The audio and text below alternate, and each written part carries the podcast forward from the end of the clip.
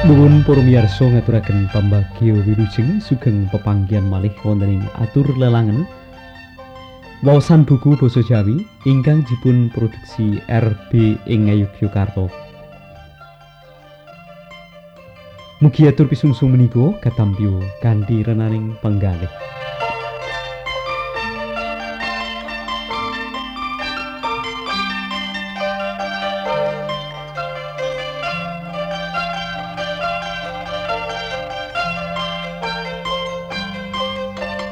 Menggah semangki badhe ngaturaken sameting cariyos. Kesrimpet jaring sutro. Seratanipun Ardini Pangestuti kapethik saking keluarti Mekarsari. Ngaturaken seri ingkang angka kalih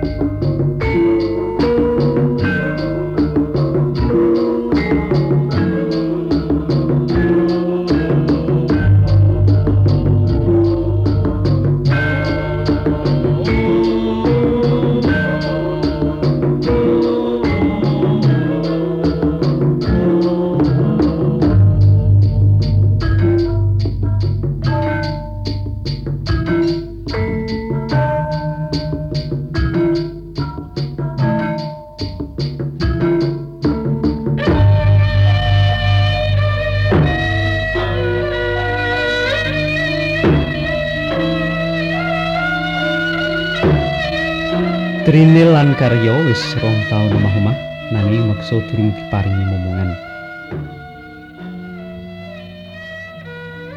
Bab iki njalari Trinil sok rumoso kaspen. Luwih-luwih yen pinuju ditinggal Karya rondo utawa jagong nganti wengi. Mula Trinil kepingin banget duweni anak. Nanging menawa ngelingi uripe kang sarwa cumpen pepinginan kasebut dumadaan dadi mleret. Trinil mung bakul klitikan lan rombongan ing pasar Mringharjo Dini karya bakul buku lungsuran. Kanthi pegawean kaya mengkono. Mesti wae pemetune sithik. Trinil lan karya ngontrak omah ing pinggir kali Jodi. Supaya ngirit saben dina mlaku menyang mulih saka ngomah tekan pasar.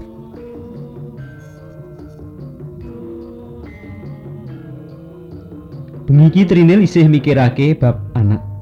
Senajan dheweke ora bloko. Karya wis bisa nggagapi apa sing digagas. Apa maneh nitik praupane sing rada sundrut.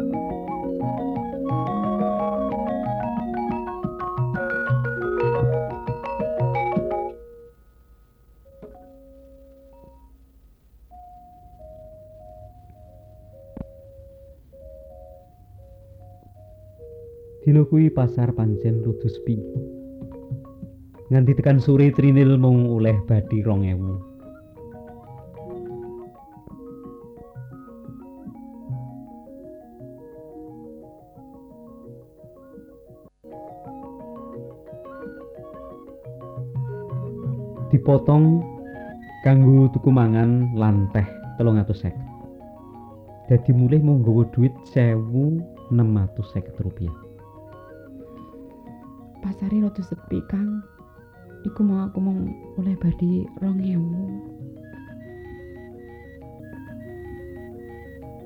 Aloke marang karya nalika wong loro jagungan nonton TV ing omah. TV rang putih rolas in. Nanging wis diwenehi konverter. Dadi bisa kanggo nyetel ngendi-endi. Kang yo lagi tanggal tua kok ayo lumrah yen sepi. Ora mung bakul-bakul cilik kaya awake dhewe sing sambat. Bakul gede uga sambat. Senajan awake dhewe rezekine mung sithik, sing penting rak cukup. Ah, TV sini kok mung iklan tok to.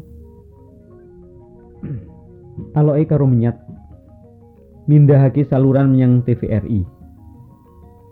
Ora ana iklane pancen. Nanging acarane kurang menarik. Lagu-lagu serius ora pati ketarik.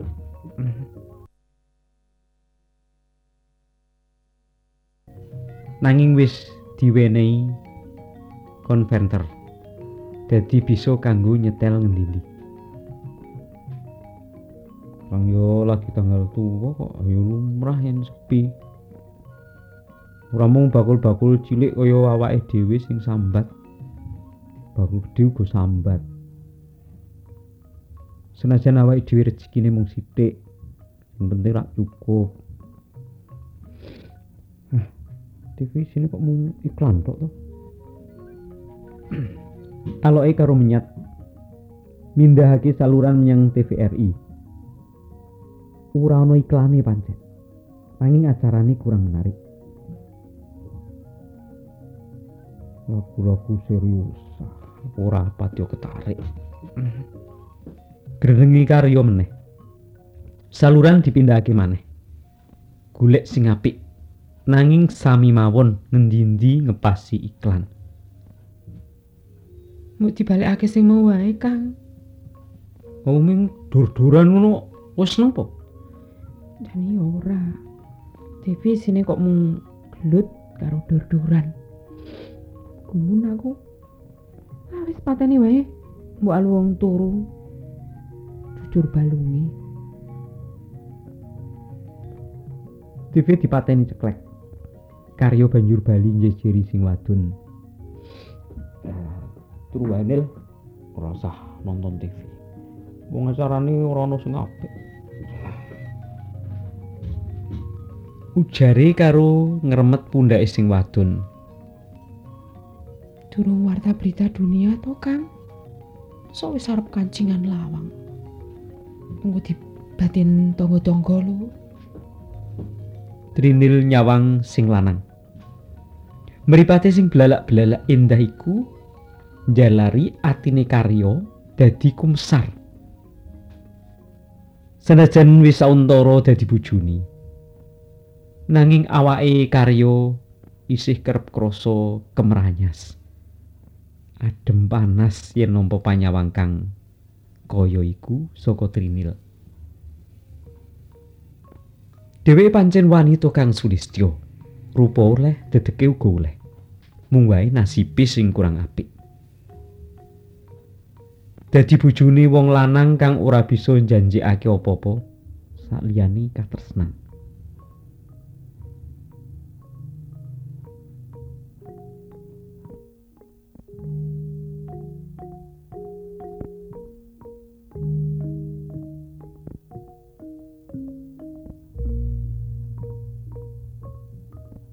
Karya ora gubris umungane Trinil. Dewi langsung menyat nutup cendilo lan lawang. Mas, kok yo dilo meneh. Ngenteni bar jam 09.00. Halah, kira jam song to. Saiki karo mengko lek padha wae to. Karya sing ngeyel. Tangane nudingi jam tembok sing dipaku ing ruang tamu sing rupek iku. Trinil menyat saka lungwi. Karepe arep nguripake TV. Dewe isih durung kepingin munggah menyang peturut. Nanging lagi wae tangane nyekel knop TV, wis digelandang dening karya. Wasa, nonton TV. Wong carane yo mung kaya ngono wae. Ujare karo ngeret-eret sing wadon mlebu kamar.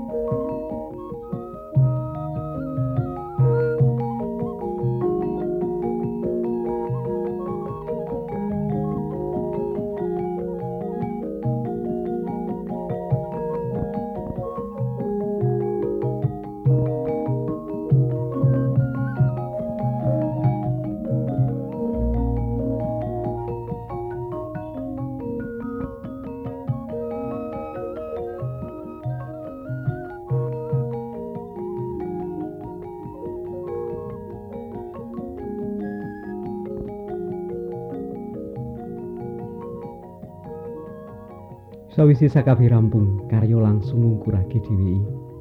Ora let suwe kepurungu swara ngoroke kang alus. Sauntara trini isih ketap-ketip. Nganti suwe mung glibak-glibuk dhiwekan. Miring ngiwa, miring nengen, lumah mengkurep nanging tetep ora bisa enggal turu.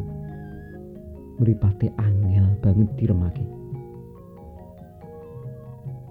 Nalika ngirik sing lanang kang sajak kepenak banget anggone turu. Malah nyingkur dheweke pisan. Atine rada gondok. Wong lanang pancen tansah golek penake dhewe. Mburu butuhe dhewe. Ora tau mikirake perasaane bojone. Batine. Mbuh, kenapa Trinil rasane dadi kepengin nangis? Salugune dhewe tresno marang sing lanang. Tresno kan ditulus sing ati. Nang saben-saben ngayahi kewajibane. Trinil tansah rumangsa kujiwa. Gini sing lanang kok ora bisa mesra kaya ing film-film kae.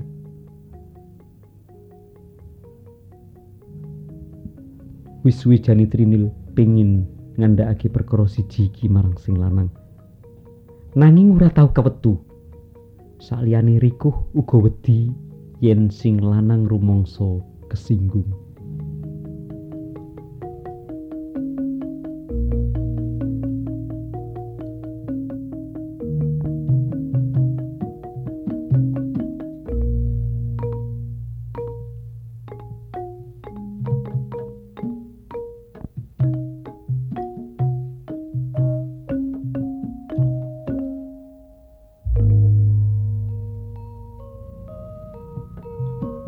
Ngancik taun kapapat saka perkawinane Trinil sido ngandhek anake lair wadon lemu sehat lan demenake kulite resik tiru ibune mripate blalak-blalak irunge bangir rambuté ireng ketel. Lambene ayune bayi kuwi kaya-kaya sampurna marisi sing apik-apik saka bapake lan ibune. Ujug-ujug trinil kelingan anggone ngimpi dek biyen. Sadurunge dheweke ngandhek. Apa ya iki ya maknane olehku ngimpi dikupengi para widodari. Diparingi anak wadon kang sulistya ing warna. Muga-muga wae anak iki besok bisa ngangkat derajat wong tua. Anakmu ayu tenan, Dok. Ujare Mbah Rodiah, dukun bayi sing miturungi anggone nglairake. Trinil mung mesem. Bayi sing ana pangkone Mbah Rodiah iku disawangkane mripat sing gilar-gilar. Atine kebak rasa mulya. Nganti lara mergo nglairake iku wis ora dirasa. Sing dirasakake mung rasa mulya lan mulya. Coba lungguhmu sing kepenak. Aja ngono kuwi. Nah, ya ngono kok. Wong bayi sepisanan kuwi kudu ngati-ati. Lungguh sak lungguh dijogo. Aja prak-prok sak geleme dhewe. Merga wong wadon kuwi paribasane cowek kembang. Apik digrayang ala dibuang. Dadi sing ati-ati pun menjaga awak. Dukun tuwa kuwi banjur ngulungake bayi sing mentas didusi marang ibune. Sampeyan niku kok enten-enten mawon to mbah aloke karo mledhehake ku tangi. Si bayek banjur disusoni. Bayi umur patang dina iku katon kuat banget nggone ngenyot susu. Nganti nyuwara srot-srot-srot. Eh, wong dikandani kok ora nggugu. Karang bocah saiki iki beda karo biyen. Sepunten Mbah, kula mboten ngguyu sampeyan ning kula namung bayangaken saupami Kang Karyo ajeng macem-macem. Kek sing didamel agul-agul niku napa? Wong bondo nggih mboten gablek. Kula lan piyambake nggih sami-sami sampun mboten gadah wong tuwa. Trinil nyoba njelasake muruh pulatane Mbah Rodiah sing katon gelo. Eh, wong ku ya ora kena semono, Puk. Wong wis amene bojomu kok durung bali ki. Mbah Rodiah nginggokake pirembugan ing bab siji. Dheweke banjur menyat marani saklar lampu. Mergo kahanan jero omah wis katon peteng. Paling sih ono dalan, Mbah. wangsulane Trinil tanpa nyawang sing dijak rembugan. Mripate isih durung bosen-bosen nyawang bocah cilik. Bayi sing lagi ngentil kuwi. Sirai dilus-lus kebak rasa asih.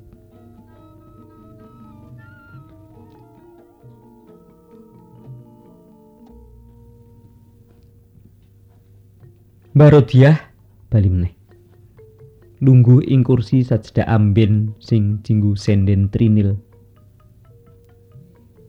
Yo amben sing saiki dinggo lungguh nyusoni bayeke kuwi. Amben kuwi mujudake amben siji-sijine ing omah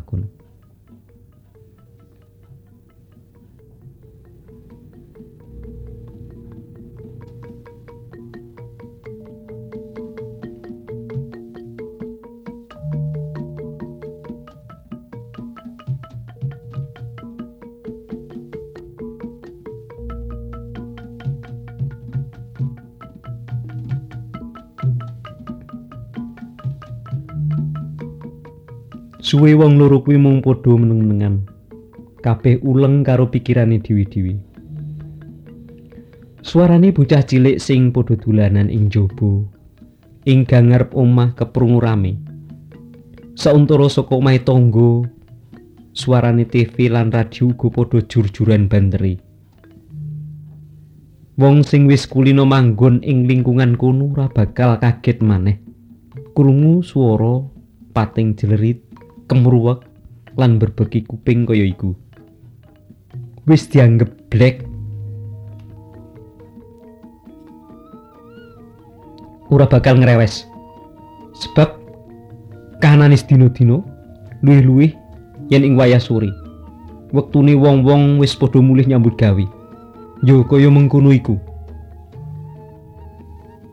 Nanging yen isih anyar manggon ing kono, mbok menawa ya rada kaget. Kaya Trinil biyen nalika anyar-anyaran manggon ing kono. Rasane kaya ora kerasan-kerasano.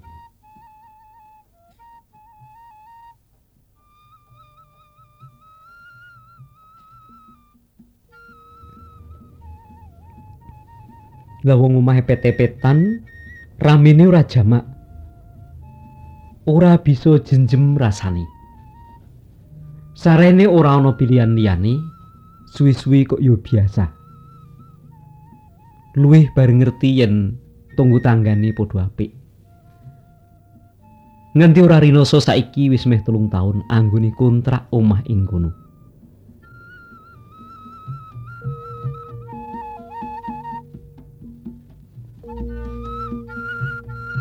Dumadakan keprungu solo adzan saka radione tonggo.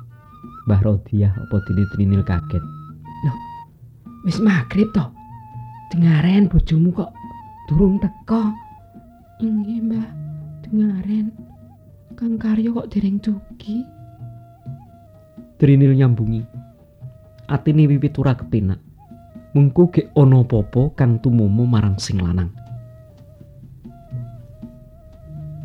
Bayi ing pangkone sing saiki katon turung lipus mergo kuargen kuwi diselahake alon-alon. Trinil banjur menyat saka lungguhe. Hati-hati lho. Arep nyang endi? Aloke Mbah Rodiah karo mbiyantu Trinil mudhun saka amben. Kanggone wong tuwa kuwi, Trinil lan karya pancen wis dianggep kaya putune dhewe. Mula nalika Trinil nglairake, Ya dheweke saben dina kang nunggoni ciklu-ciklu ing kono. Apa maneh wektu iku barengane Trinil sing lairake ora ana. Dadi Mbah Rodiah katok tenan oleh nunggoni.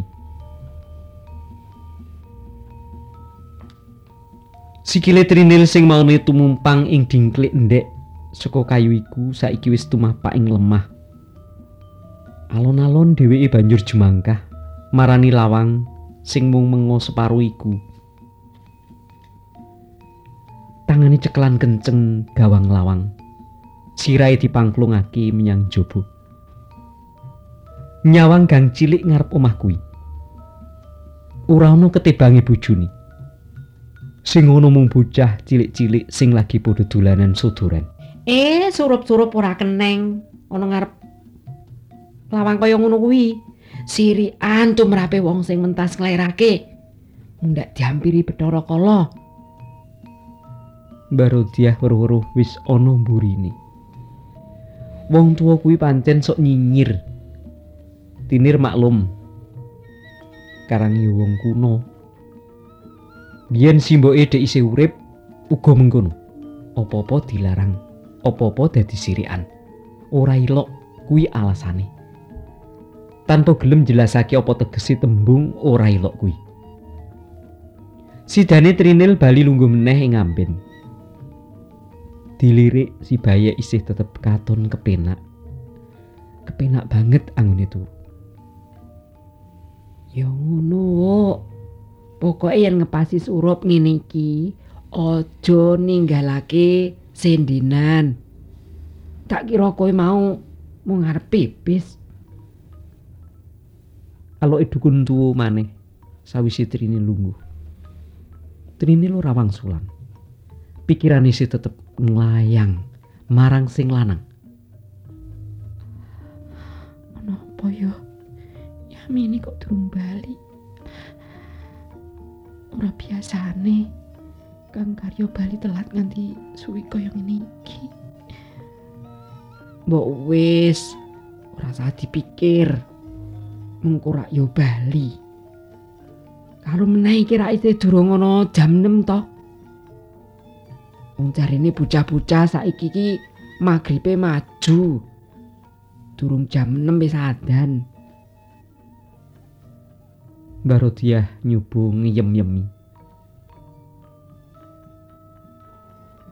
Trinil pancen katon goreh. Nggih, Mbah. Trinil oleh wangsulan mung waton muni.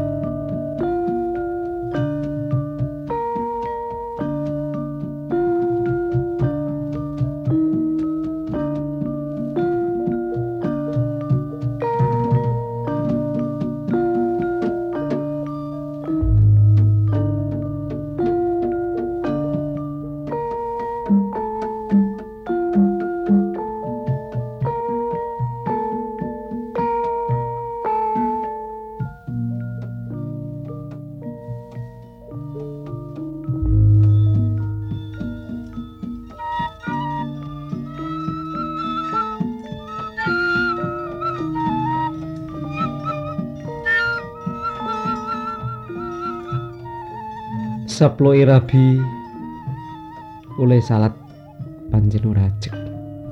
Saelingi karang yo repot golek sandang pangan. Trinil ngerti Ngono yen miturut aturan agama sak temene ora kena. Nanging tetimbangane tinimbang ora nglakoni salat babar pisan ra isih alung salat senajan ora. Gusti kang murbeng dumadi moho ngerti lan moho wicaksana. Piyambake mesti maklum mergo kahanan sing nyebabake dhewe ora bisa ngadep ing ngarsane ing saben wektu.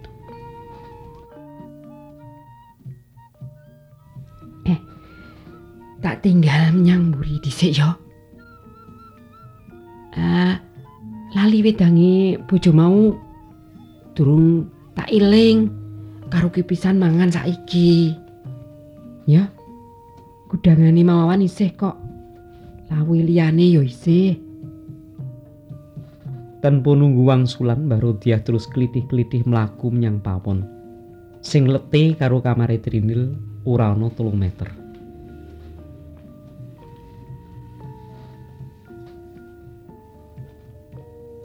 Sapungkure Mbah Rodiah. Trinil bali tenger-tenger. Ngangen-angen sing lanang. Ginio Yamini kok durung bali. Adate ora nganti maghrib, dhewek mesti wis teko.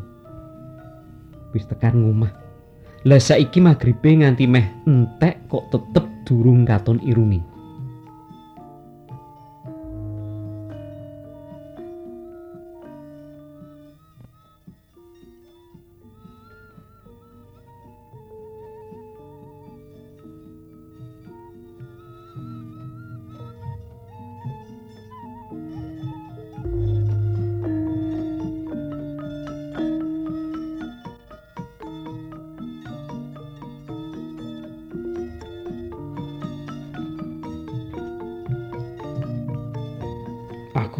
Menyang pasar ya, Nil. Wis limang dino aku ora menyang, mengko mundak lenggananku padha lali. Cumengkling suarane sing lanang nalika dheweke tangi turu esuk mau. Sesuk-sesuk wae, Kang. Digenepke seminggu pisan ngono lho. Trinil coba ngindoli. Rasane isih dheweke rumangsa awel. Ditinggal dening sing lanang marga rumangsa durung sehat tenan. Kaya wong sugih dhuwit prei nganti seminggu. Yen kesuwen prei, mengko celengane pakaian cowok eh kanggo pasedian tuku susune si Bahyak mengko apa? Karo meneh yo karo golek-golek tambah ngus pasaran sesuk to Nil. Sing lanang tetep ngotot anggone kepingin mangkat nyang pasar.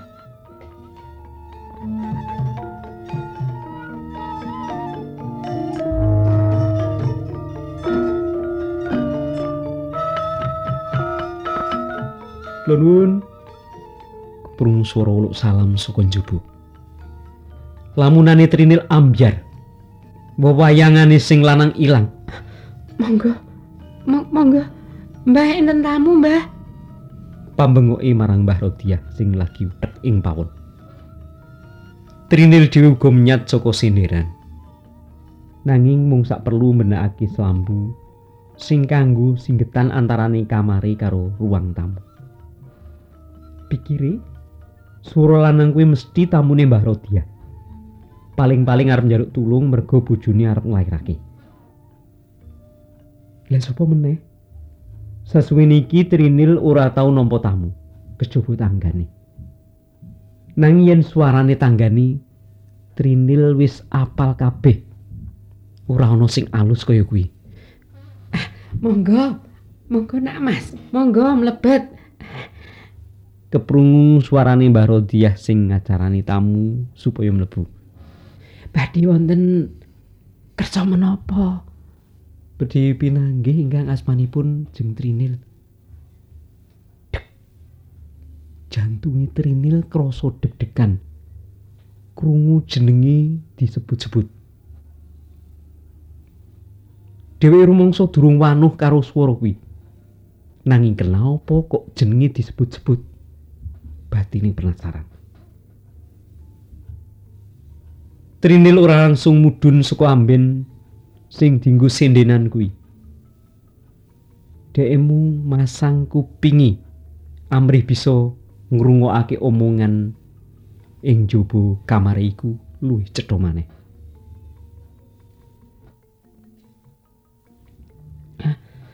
Panjenengan menika sinten? Enten perlu napa kok madosi putu kula Trinil? Oh, dados simbah tasih keluarganipun Jeng Trinil. Kleresan menawi mekaten, anggen kula sowan mriki menika badhe ngaturi prisa bilih Dimas Karyo sak menika wonten rumah sakit. Trinil langsung mencolot mudhun krungu kandhane tamu kuwi. dheweke ora kelingan karo larane. Slambu disilakake, banjur pitakone gupuh. Ah, keng menapa bojo kula? Oh, oh, panjenengan Jeng Trinil. Ah, keng roko kala wau dawah nandhang kacilakan wonten perapatan gunemanan piyambake. Trinil wis ora ngrungokake maneh guneme tamune mau. Awake krasa lemes, bebayune kaya dilolosi. Pandelengi dumadakan wae dadi pet-petan. Rasane kudu arep ambruk. nanging sadurunge Trinil ambruk. Tujune tamune mau kok terginas. Awake Trinil dicandak, digujengi saka mburi. Jeng enjeng. Ah, piye to iki?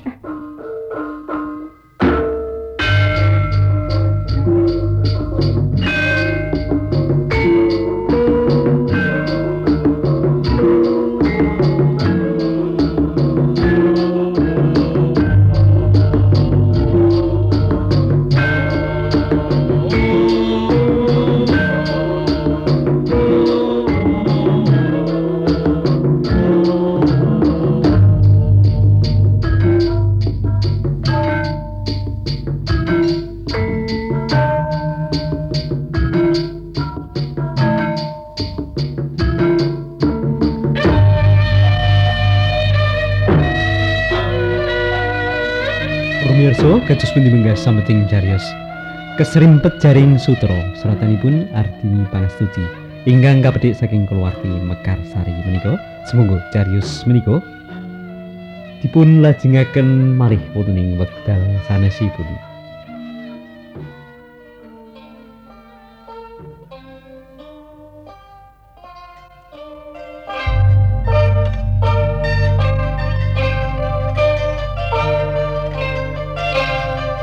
Cekap semanten atur lelangen maosan buku basa Jawi ingkang dipun produksi RB ing Ngayogyakarta. Ing wasana mugi rahayu ingkang tansah pinanggih. Nuwun.